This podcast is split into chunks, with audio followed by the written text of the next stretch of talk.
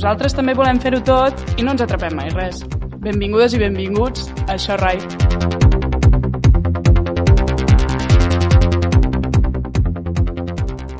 Hola, nosaltres som l'Alba La Berta.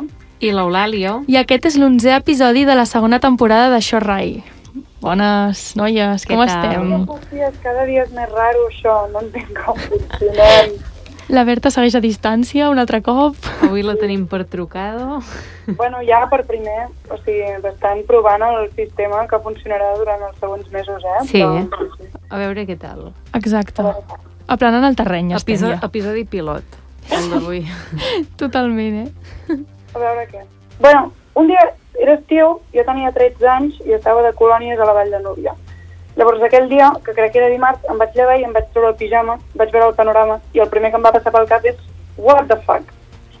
Els i les que ja heu passat segur, segur que sabeu de què us parlo, o almenys us imagineu alguna idea. L'arribada de la regla és el moment en què t'adones que l'adolescència va de veritat, segurament molt més de veritat del que t'agradaria. A mi, això de la regla no m'ha fet mai gràcia. Això de fer-se una doneta ja està bastant descatalogat i a mi, i, i la veritat és que mai no he arribat a connectar amb això de reapropiar-se del propi dolor o prendre-s'ho com un període d'in- d'introspecció personal, no?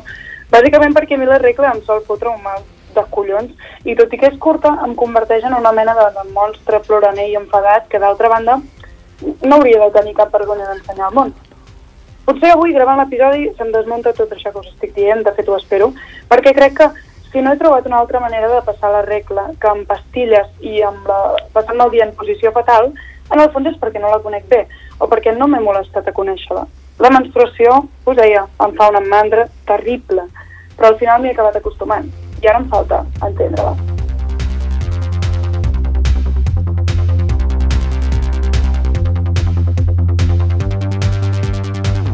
I per parlar de tot això tenim la sort de poder comptar amb la Laura, que la tenim aquí amb nosaltres, que si la voleu buscar a l'Instagram és Laura F. Daunes barra baixa i la Laura és psicòloga especialitzada en la intervenció en perspectiva de gènere, violències masclistes, cicle menstrual i sexualitats. Actualment també forma part de l'equip de Sexus, que és arroba sexus barra baixa org a les xarxes, que és un programa que dona informació i assessorament sobre sexualitat i, a més, és la fundadora de l'espai Somriu, que ara segur que ens ho explicarà una mica millor, però tot això ho podeu trobar a la seva pàgina web, laurafdaunes.com. Com estàs, Laura? Hola, bona tarda. Moltes gràcies per invitar-me. Estic molt per contenta d'estar aquí. I, bueno, molt bé la presentació. Simplement volia afegir, doncs, eh, l'Espai Somriu, no?, que és el meu projecte personal, on faig acompanyaments eh, individuals, vale? eh, des d'una mirada integral, holística, bueno, es pot veure més a la web.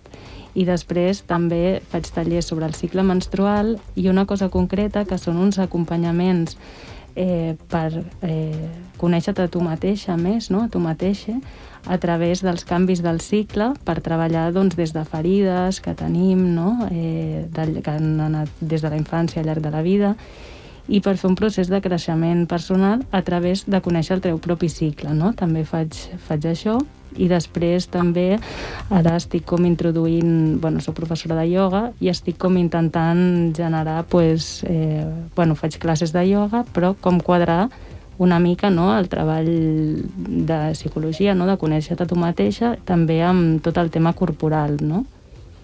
I us he de dir que estàvem emocionadíssimes per aquest episodi perquè feia com molt temps que ho estàvem intentant però no acabàvem com de saber-lo funcionar. I ens hem adonat fent el guió que cap de les tres té mm, punyetera idea de què li passa quan té la regla. Real. Però bueno, nosaltres comencem sempre l'episodi amb una pregunta de jajas. Ah, um, I nosaltres volíem saber quina és el comentari o la pregunta més graciosa que t'ha fet un home cis sobre la teva regla. A veure, hi ha eh, preguntes que pugui fer un home cis sobre la regla o comentaris molt graciosos no, no són. És a dir, Ja, la gràcia no, ja. no fa, però sobretot eh, comentaris que com bastant negatius, no? Com en sentit, oh, que ja és com tens la regla, no? Per això estàs de mal humor, o com coses, eh, diguéssim, en aquest sentit, no gaire graciós, no? Vale, perquè començant obrint el meló, que és una mica el que deia ara la Berta, mm. així, a, a, a grans trets, què li passa al nostre cos quan tenim la regla?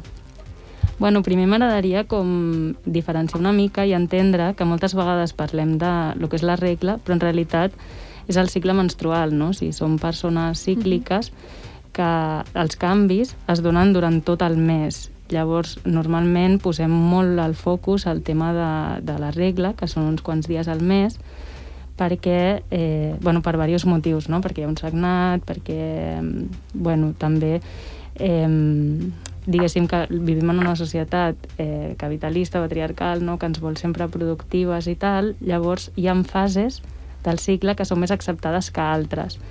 Llavors les fases, diguéssim, que t'inviten no? a, a aquesta més extroversió, a, a fer més coses cap a fora, a estar més activa, potser mm, no xoquen tant amb la societat, no s'identifiquen tant, en canvi doncs, posem més el focus doncs, a les fases que són més de recollida, no? més de que potser tenim altres necessitats que són més cap a nosaltres, cap endintre i que no encaixen tant a quadren amb aquest sistema no? que vivim més lineal i que no dona gaire espai, per no dir, bueno, no, a, a lo que és el tema doncs, de la ciclicitat no? i d'aquests moviments. Clar, perquè com podem utilitzar això? Vull dir, el coneixement de saber en, plan, en quina fase del cicle estem per nosaltres aprofitar-ho per nosaltres mateixes, per estar millor amb nosaltres o per connectar més amb l'altra gent. Vale, això és molt interessant. Eh, primer, doncs, fer un procés d'autoconeixement no? del propi cicle.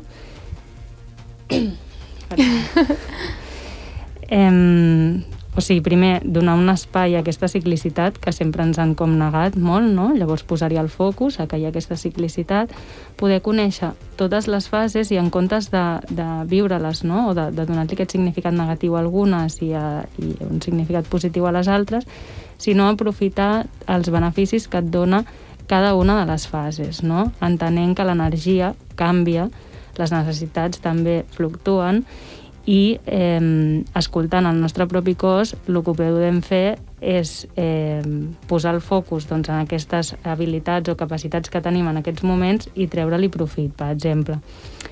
Eh, en el moment premenstrual, vale? o sigui, parlo com en general, després cada persona ha de veure eh, què li passa en el seu cicle, no? com ho viu, mm, però un exemple seria en el moment premenstrual, doncs eh, diguéssim que estic més a nivell de cos, de sensacions que jo sento i més emocional, i potser no estic tan lúcida a nivell mental, no? Llavors hi ha com, com si fos un volcà d'emocions i de sensacions que a mi em surten, no?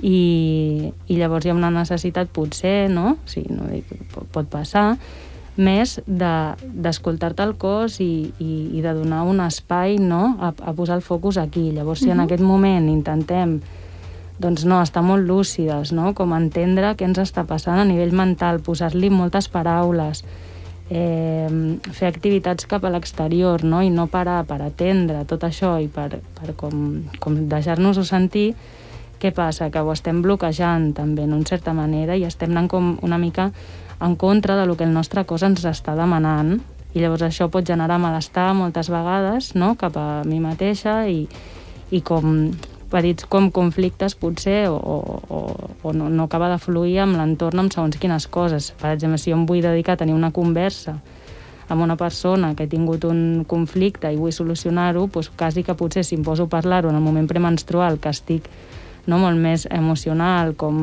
amb poc lúcia a nivell mental, igual no serà molt bona idea, no? per exemple. Llavors, Eh, això què significa? És que a vegades em diuen no, llavors què passa? Que no puc fer una cosa durant el cicle i m'haig d'esperar, no? O hi ha coses que puc fer en un moment i en un altre no. No, ho podem fer tot en tots els moments del cicle, puc no? fer qualsevol cosa. Però jo sempre fico l'exemple, per exemple, de les estacions o del dia i la nit. És a dir, tu pots, per exemple, banyar el mar a l'estiu o a l'hivern, no? No passa res, pots fer... Què passa? Potser a l'hivern passaràs més fred, et costarà més, uh mhm. -huh però bueno, ho pots fer igual.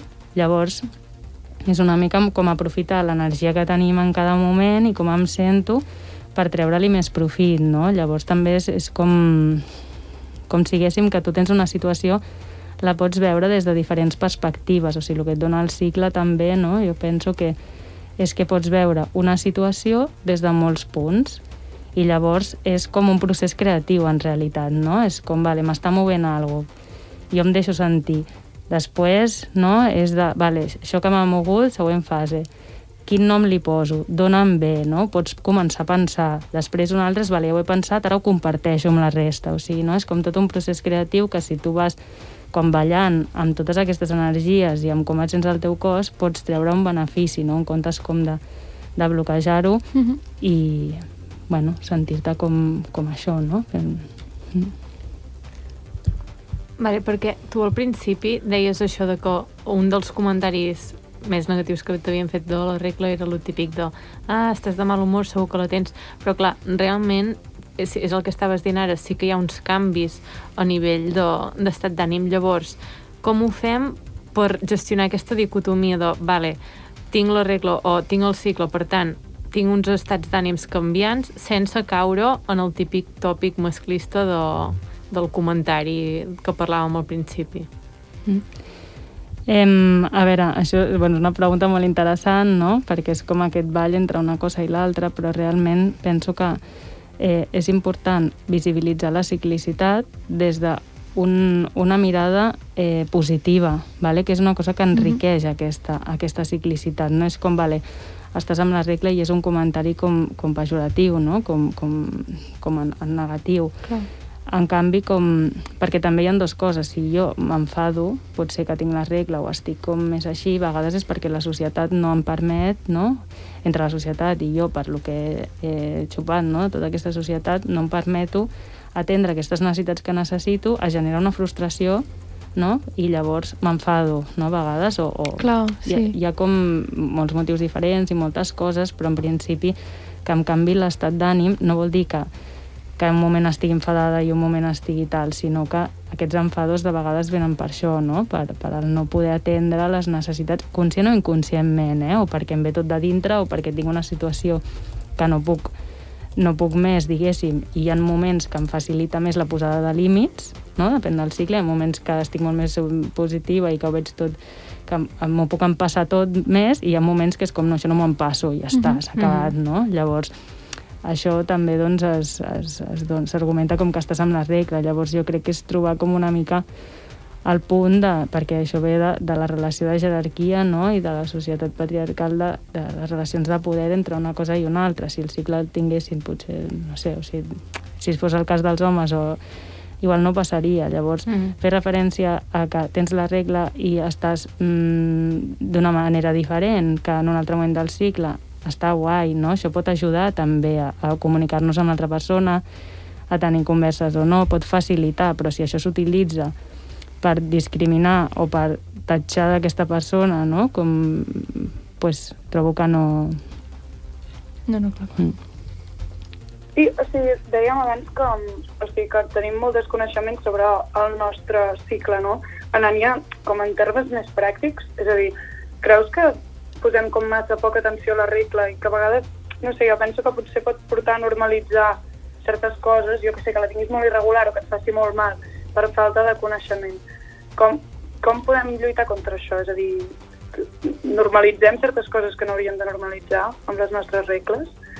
Jo crec que sí, que sí que ho normalitzem, però perquè és que ens ho han dit així, o sigui, ens ho han ensenyat així i ens ha vingut mm -hmm. aquesta informació de tots cantons, quan vas a ginecologia, quan eh, per la televisió, per, bueno, qualsevol qualsevol no, agent eh, ens han fundat aquestes idees.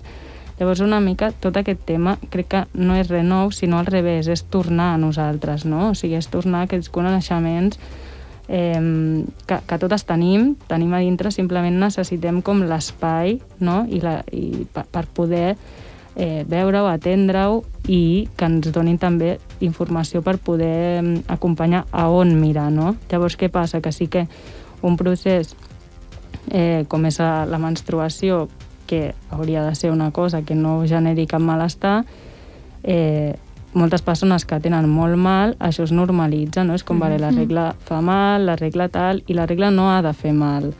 Llavors sí que hi ha una part que pot ser, no?, d'això que comentava, del, del no donar-li aquest espai, no?, a, a poder conèixer-te, a poder gestionar les energies, escoltar-te el teu propi, propi cos, però sí que és veritat que passen coses també, no? Hi ha l'endometriosis, hi ha altres coses que, que et poden passar en el cos, no? Eh, sigui vingui d'on vingui, però que al final mm, t'està passant i, i això és important posar-hi el foco, no? Sí, sí, Clar. Que està molt invisibilitzat, llavors, bueno... Fins a quin punt aquesta falta de coneixement que, que solem tenir les dones sobre el nostre Mm. propi cicle o el que sigui um, afecta el fet de poder com localitzar realment um, fins a quin punt tenir una regla sana o no és sana o és simplement que no coneixem el nostre cos?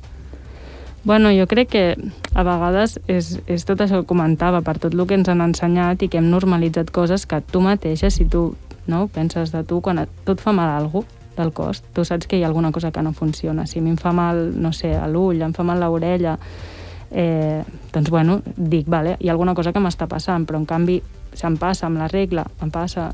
Mm, pues és com que ens han dit que és normal jo li, li poso aquesta etiqueta de que és normal, però realment el meu cos m'està parlant i jo ho estic escoltant i jo ho estic veient, no? El que passa que és el significat que jo li dono a això o com valoro jo això, si ho atenc o si no ho atenc, per tota la informació que hem rebut. Llavors sí que és molt important fer una, bueno, doncs donar informació no? com a, a, al voltant del cicle, trencar amb totes aquestes idees i amb totes aquestes normalitzacions que, que hi han per poder donar aquest espai a dir sí, sí, és que m'està dient això i estic amb lo cert, hi ha alguna que no funciona perquè en el fons ho notem, el que passa que com que et diuen no, és normal, pren-te això, pren-te aquestes pastilles, pren-te l'altre ja està.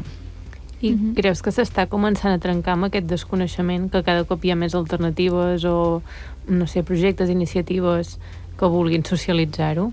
Jo crec que sí, o sigui, jo realment amb això del cicle vaig començar fa molts anys, eh, bueno, no el cicle des de que em va venir el cicle, no? però vull dir com a, a, a, a observar-me més, no? tot aquest procés d'observació, a formar-me, perquè ha sigut eh, una mica de tot, no? el, el procés de, de formar-me a nivell de lectures, a nivell de formacions i a nivell de compartir amb altres dones, com també, bueno, dones i persones amb la regla, i també un procés meu, no?, personal d'autoconeixement, doncs, doncs d'això, no? I fa molts anys, i quan jo vaig començar, bueno, no sabria dir quants anys, però bastants, molts, no hi havia gaire cosa sobre això, diguéssim, accessible, no?, que poguessis com parlar, la gent li semblava estrany, tothom era com, bueno, no, sí, jo ja sé sobre la regla, preguntava si...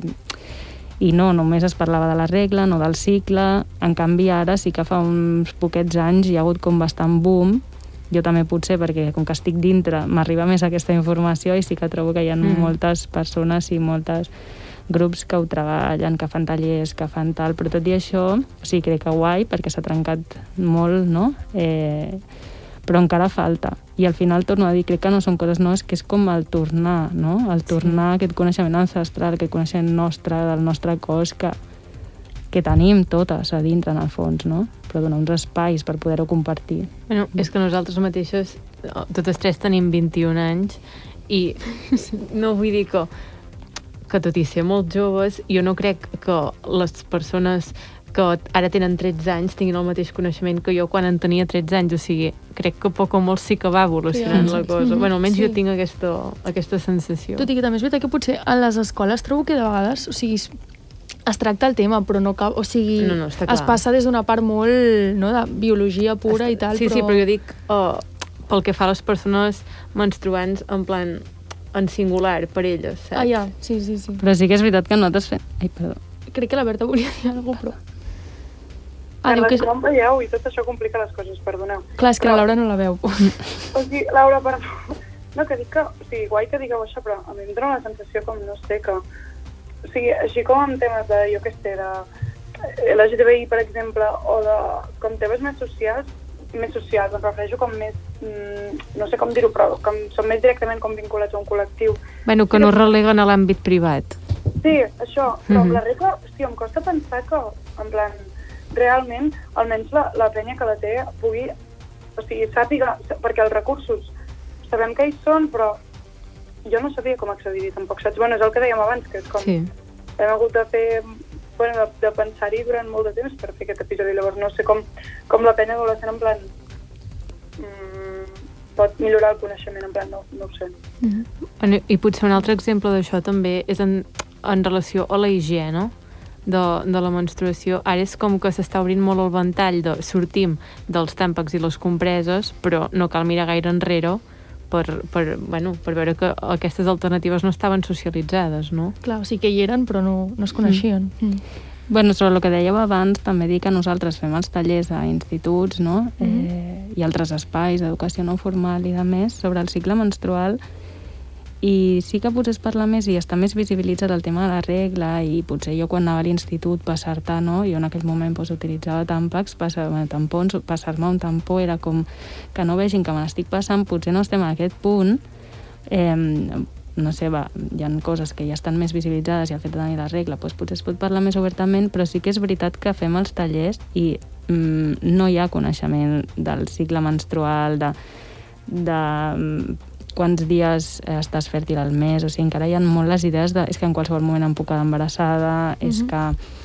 eh, no sé quan, quanta vida té un òvul, eh, no, no, no gestiono com aquestes energies o no, no sé com, no? aquests estats d'ànim, com fer-ho, o sigui, sí que segueix havent-hi molt desconeixement amb això i pocs espais, penso, per, perquè sí que es, potser s'aborda més persones ara com cap als 20 llargs, 30, no sé, hi ha com molt interès, però segueix, crec, faltant, no?, com fer una cosa ja des de més peques, des del no? principi. Mm. Clar, sí, sí, perquè a més, sobretot, vull dir, jo recordo les primeres persones de classe que tenen les regles, sobretot, sempre és com que els ve molt de nou, no?, i, i si són molt primerenques en aquest sentit, de vegades jo crec que senten soles, molt soles, perquè o sigui, no tenen no, ningú que els hagi explicat o res, i estan com soles, i suposo que tallers com aquest són interessants per, sobretot per aquesta gent, no sé. I a més és que pots saber quan et vindrà la regla. O sigui, hi ha unes coses que pots mirar el teu propi cos, no?, que et poden a, a ensenyar, perquè tu reconeixis quan et ve la regla. No és que, com abans passava, és que de cop, pam, et ve la regla, no? I dius, hòstia, està aquí, no? Doncs pues no, sí que es pot eh, saber. Clar, però a veure... Mm. Perquè, o sigui, tu que fas els tallers i tal, quina és una cosa que tu diries, buah, és super bàsica, super, super bàsica, i vas a fer un taller i el, la gent no en té ni idea. En plan, allò que dius, buah, mm, per què no ho saben? Bueno, això, el que acabo de dir també, no?, el tema de, de la fertilitat, per exemple, el tema del moc cervical, el tema d'on surten els fluids i quants fluids té una vulva. O sigui, que té relació amb el cicle i altres no, no? I és com, eh, bueno, o no saber quants forats té una vulva, mm, perquè no se l'han mirat mai, però perquè, clar, això no és que la persona no faci perquè tal, no? és perquè hi ha un sistema que tot això ho suporta, no? I, i, i ho ha fet tabú i, bueno... Sí, sí està clar. Mm. No, no, no, clar. És que, bueno, jo recordo, vaig... Un d'aquests tallers que tu has fet, jo vaig anar fa temps, i, i és veritat que recordo que vas estar explicant tema de fluxos, que hi ha alguns que, vull dir, surten com un dia abans, no?, o així, de que a sagnis, facis el sagnat o alguna així, crec recordar. Bueno, vull dir que, clar, per mi era com, en sèrio, tipus, no, o sigui, mai m'ho havia parat a plantejar de distingir, saps, diferents tipus de fluids, o sigui, és una cosa molt bàsica que ens passa cada vegada al mes, o sigui que... I Total. és molt fort. Mm. I trobo que és molt... Ara, ara ho estava escrit... Bueno, en plan, ho estava pensant, hi ha moments que no, en plan, que penso, no tinc ni puta idea, però en plan, que no sé molt bé de... Vull dir, bueno, no sé, en plan, que estic molt desubicada, molt més, me, encara més del que em pensava. Sí. Podem fer un taller un dia, si voleu, eh? Estupendo. Sí. Or això Rai organitzarà un taller, una Eh. jornada. Cunde. Vale, I tornant al tema de, de, de la higiene, per parlar d'alternatives, per sortir una mica de la copa, que ara és com l'alternativa per excel·lència de tampons i compreses, què, què, què creus? Que funciona... Jo crec que eh, l'important és que hi ha diversos mètodes de gestió del sagnat, vale? prefereixo dir de gestió de sagnat, Mhm. no de higiene menstrual. Eh, llavors, eh, jo no m'agrada dir quin és millor, quin no és millor, no? Són diferents i, i depèn de les teves necessitats d'aquest moment i del que tu vulguis, pots utilitzar un i l'altre, no? Sí que és veritat que n'hi han que són més respectuosos amb el cos, amb el medi ambient i també t'apropen més a conèixer-te. No? En aquest cas, doncs, la copa t'apropa, però no deixes de tenir un cos estrany dintre del cos i hi ha coses que, que encara pues, amb la copa no aconsegueixes de, de veure o de percebre. No? Llavors hi ha el sagnat lliure, que és molt interessant, també hi ha les calces, no? que hi ha les compreses de, de tela, però també hi ha les calces per la menstruació, que crec que això pot anar una mica acompanyat, no? O sigui, pots com intentar practicar el sagnat lliure amb una compresa de tela o amb una calça per si se't surt alguna cosa i de més. Pots explicar breument això del sagnat lliure, porfa? Vale, el sagnat lliure és que és una cosa com tan senzilla com percebre en el teu cos quan baixa la menstruació i llavors anar al lavabo per deixar-la anar. Hi ha persones que la retenen més i hi ha, hi ha persones que simplement la noten i van a deixar-la anar al lavabo. Vale? És com ser conscient, no? com quan tens pipi, que t'ensenyen, primer et fas pipi sobre i després t'ensenyen doncs, quan no? tu vas, vas pensant quan tens pipi i pots anar al lavabo. Doncs el mateix amb el sagnat, no? Clar, però hi ha d'haver com un exercici previ com per aprendre a fer-ho, no? Entenc. Sí, no? Perquè... Bueno, l'exercici jo crec que és una mica com amb tot amb això, no? És com observar-se, escoltar-se el cos i generar espais. O sigui, insisteixo perquè crec que el cicle menstrual és un dels camins també a, a anar cap a tu mateixa i a poder conèixer que hi ha molts camins per anar cap a tu, no? Llavors, eh, la societat en la que vivim el que passa és amb moltes coses, és com tot ha de venir des de fora, no? És una societat molt paternalista, molt eh, molt ràpida, amb molts inputs, llavors és tot, vale. No, no puc parar a fer coses, sempre has d'estar fent coses, no? molt productiva, i a sobre si tinc un problema vaig a la farmàcia pastilleta, vaig al metge em donen pastilleta, vaig aquí i tal, i en comptes doncs de d'ensenyar-te una mica no tan bé o de, o de donar-te aquest espai a dir, bueno, parem, m'observo i trec recursos de mi, que no tot em vingui de fora. -huh. Ja Però, o sigui, no sé si tu practiques... Ah, espera, vale, ara, bueno, vale. Um, no sé si tu practiques, però um, com, o sigui, quines eines podem tenir per dir, vale, mm, m'adapto al sagnat lliure? Vull dir, tu necessites, vas necessitar-te formar o aprendre d'algun lloc que t'expliquessin com fer-ho, perquè, clar, vivim en una societat molt de la immediatesa i de vegades trobar moments per escoltar-te i saber com escoltar-te o com fer-ho Mm. és una mica complex. Clar, això és una mica el problema, no? Llavors, jo sí que el practico no tota l'estona ni tots els dies, perquè entenc que també, si estic enmig d'un taller, estic treballant fent segons què, eh, doncs potser no estic prestant suficientment atenció al meu úter, no?, en aquest, en aquest cas, i eh, no, no és que sortiré enmig de la sessió per anar al lavabo a deixar la sang, perquè sí que jo no la, no la retinc a dintre molt, no?, perquè trobo que tampoc si una cosa vol sortir al cos, és interessant deixar-la sortir per mi, eh? no ho sé, però evidentment hi ha moltes formes de, de portar això, no? i també el fet de visibilitzar la taca crec que també és guai, no? és com, com important de dir, bueno, pues hi ha una sang aquí que no es vegi com una cosa que fa fàstic i tal. Llavors, eh, com s'aprèn això? Sí que es pot buscar informació. Jo crec que la informació sempre és molt benvinguda, no? Eh, tota la informació que ve de fora, però crec que són coses que et fan a con connectar amb tu. O sigui, perquè després tot això tu t'ho apliquis a tu, tu miris en el teu cos, paris, t'escoltis el moviment, segueixo pensant, deixar-te espais per poder veure-ho en tu, perquè moltes vegades això passa i està passant molt de m'apunto a fer mil coses, mil tallers, que em donin mil informació, jo necessito més informació perquè no la tinc, i llavors això, volent apropar-te a tu et desconnectes de tu, perquè ho segueixes buscant com la resposta fora, llavors trobo que és interessant llegir sobre tot això, però al final és informació que tenim ja nosaltres a dintre, no? Llavors això serveix simplement per, per potser orientar-te una mica a on mirar, no? D'on tinc que mirar o donar-te alguna eina eh, per poder-li ficar llum. Uh -huh. No, res, jo volia dir que, o sigui, que res, un parell de coses, però m'hi estic pensant molt en, aquesta, en això que deies de la societat de la immediatesa, perquè jo ara, o sigui, a mi, per exemple, la copa menstrual és que no m'acaba de funcionar, en plan, ho he intentat, però no acaba de, de, de, de ser d'allò. I en canvi tinc la sensació que ara és com, si no fas servir la copa menstrual i tornes al, al tàmpax, o tornes a la compresa, o tornes a, jo què sé, busques com a tres alternatives i ja, oh, ens fotem les mans al cap perquè tornes a fer servir tàmpacs. I és com, també arrosseguem, no?, com aquesta culpabilitat de no canviar el mètode, no, com no, no, no portar millor la regla, no sé com dir-ho. No sé si existeix això, o si se'n parla, o si m'ho estic imaginant. O sigui, et refereixes com que si no fa servir la copa hi ha com un judici, no? Autojudici Sí, potser i també sí. extern de dir, ostres...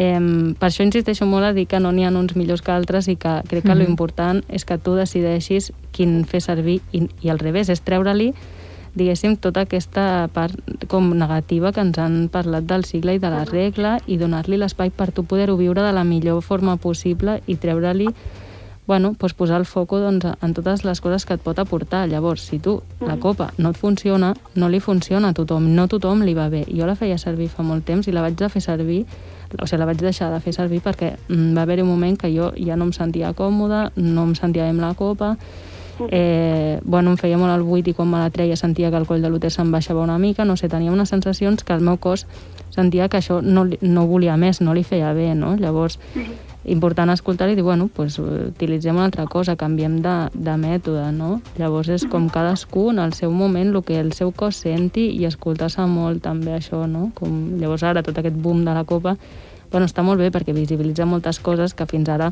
estaven invisibilitzades, no? I dona espai també a poder veure la teva pròpia sang, no? El, bueno, i, i altres coses, i altres fluids eh, com, però bueno, mm, també hi ha altres formes, no és que ara tothom la copa és... Mm -hmm. Mm -hmm. I per, I per acabar així com amb un tema així que ara està sobre la taula, és el Sí. sí. tema de la vacuna, de la Covid, i els canvis en, en la menstruació, en el cicle. Mm, què passa aquí? Què passa? Jo crec que no sabem gaire què passa. Aquest és el problema, no? Que no sabem. problema. Sí. Eh, llavors, eh, ja sí que han sortit alguns estudis que s'estan fent de persones que han fet moltes entrevistes a persones amb, amb el cicle i que han vist alteracions. Estan sortint coses. Que sabem exactament què passa, com afecta... Bueno, és que ho estem veient ara, no? Es va mirant, el que passa, com sempre, pues, eh, es posa el foco en coses i amb altres no. I el tema del cicle menstrual, pues, no, no es va com plantejar si afectaria o no afectaria, bueno, com altres coses, perquè això de la vacuna és igual, hi ha altres temes no? eh, per mig que tampoc entrarem mm, de la Covid, però sí que és veritat que estan havent afectacions al cicle i a nivell personal jo també ho estic veient amb gent del meu voltant. O Clar, sí, sí, és que mm. jo també, jo, bueno, tinc moltes amigues que potser alguns canvis menys greus, o sigui, no els vull dir menys greus, però mm, doncs menys evidents que d'altres, però vulguis o no, o parlar-ne i dir, ah, hosti, vale, doncs sí, jo també, saps? Sí, sí, I tinc com la sensació que potser sí que s'havia posat sobre la taula que potser podia passar, però que quan hi està havent realment una mica d'investigació és ara perquè ja hi ha molta gent que s'hi Mhm. està trobant. Sí, també hem de tenir en compte que el cicle menstrual és un indicador de salut. Llavors, també ens diu com estem, però tant a nivell eh, físic com a nivell d'estat o sigui, com a, psicològic, és a dir, si tinc una vida que estic superestressada, estic super malament, estic tal, això m'afecta el cicle. Si em passa qualsevol cosa, tinc una grip, tinc no, una altra cosa, això afecta el cicle, o sigui, ens indica que hi ha alguna cosa que està passant alguna cosa. Simplement per poder observar què està passant. És molt, molt bonic, això, no? Llavors, clar, què ha passat? Doncs, bueno, doncs ara s'està veient que això està afectant. Hi ha gent que tira pes, hi ha gent que li dona més pes que altra. Bueno, hi ha canvis en el cicle i s'està alterant. Això és un indicador d'alguna cosa.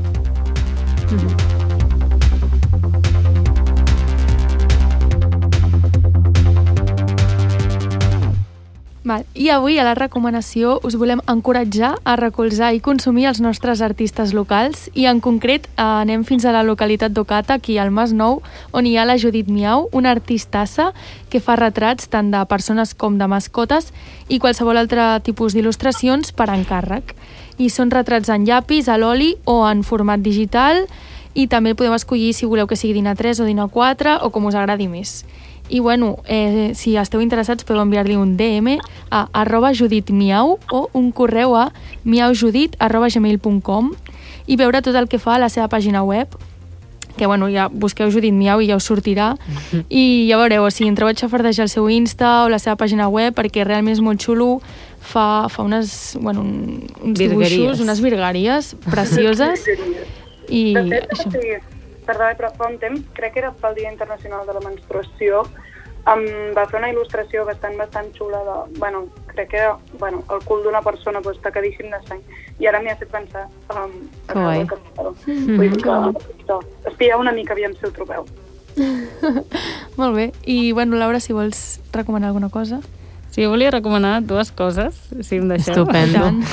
Eh, per un cantó, eh, un material que vam fer amb sexos que es diu Més que regles, que el podeu trobar a la pàgina web eh, que una mica trenca doncs, amb tot això, no? amb tots aquests tabús, amb l'estigma de, de, de la taca, no? amb tot, tot el que comporta, que és, que és molt xulo, trobo, i, i bueno, que som un equip crec que és molt, molt guai, que estic molt contenta de, de treballar amb aquestes persones tan interessants no? que aporten diferents coses eh, vale, dit això per una banda no? que podeu trobar els materials sobre això després una altra cosa que potser penseu que no té a veure amb el cicle però crec que té a veure amb el cicle, amb l'autoconeixement i tal jo molts cops recomano que vas la gent se me'n riu de trobar cada setmana, encara que sigui, si no pots cada dia, espais per caminar descalça per la natura.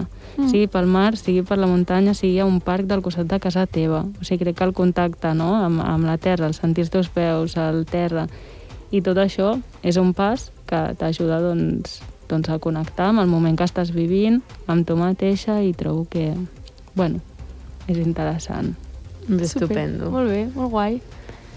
Vale, Doncs, doncs ens tornarem a escoltar d'aquí 15 dies a les 8 del vespre, si tot va bé, i a Ràdio Camp, Camp de Bànol. Els dilluns, matins i tardes, Ah, exacte. exacte. Berta, avui ens n'hem recordat, estàs contenta? Com em trobeu a faltar? Ja veus.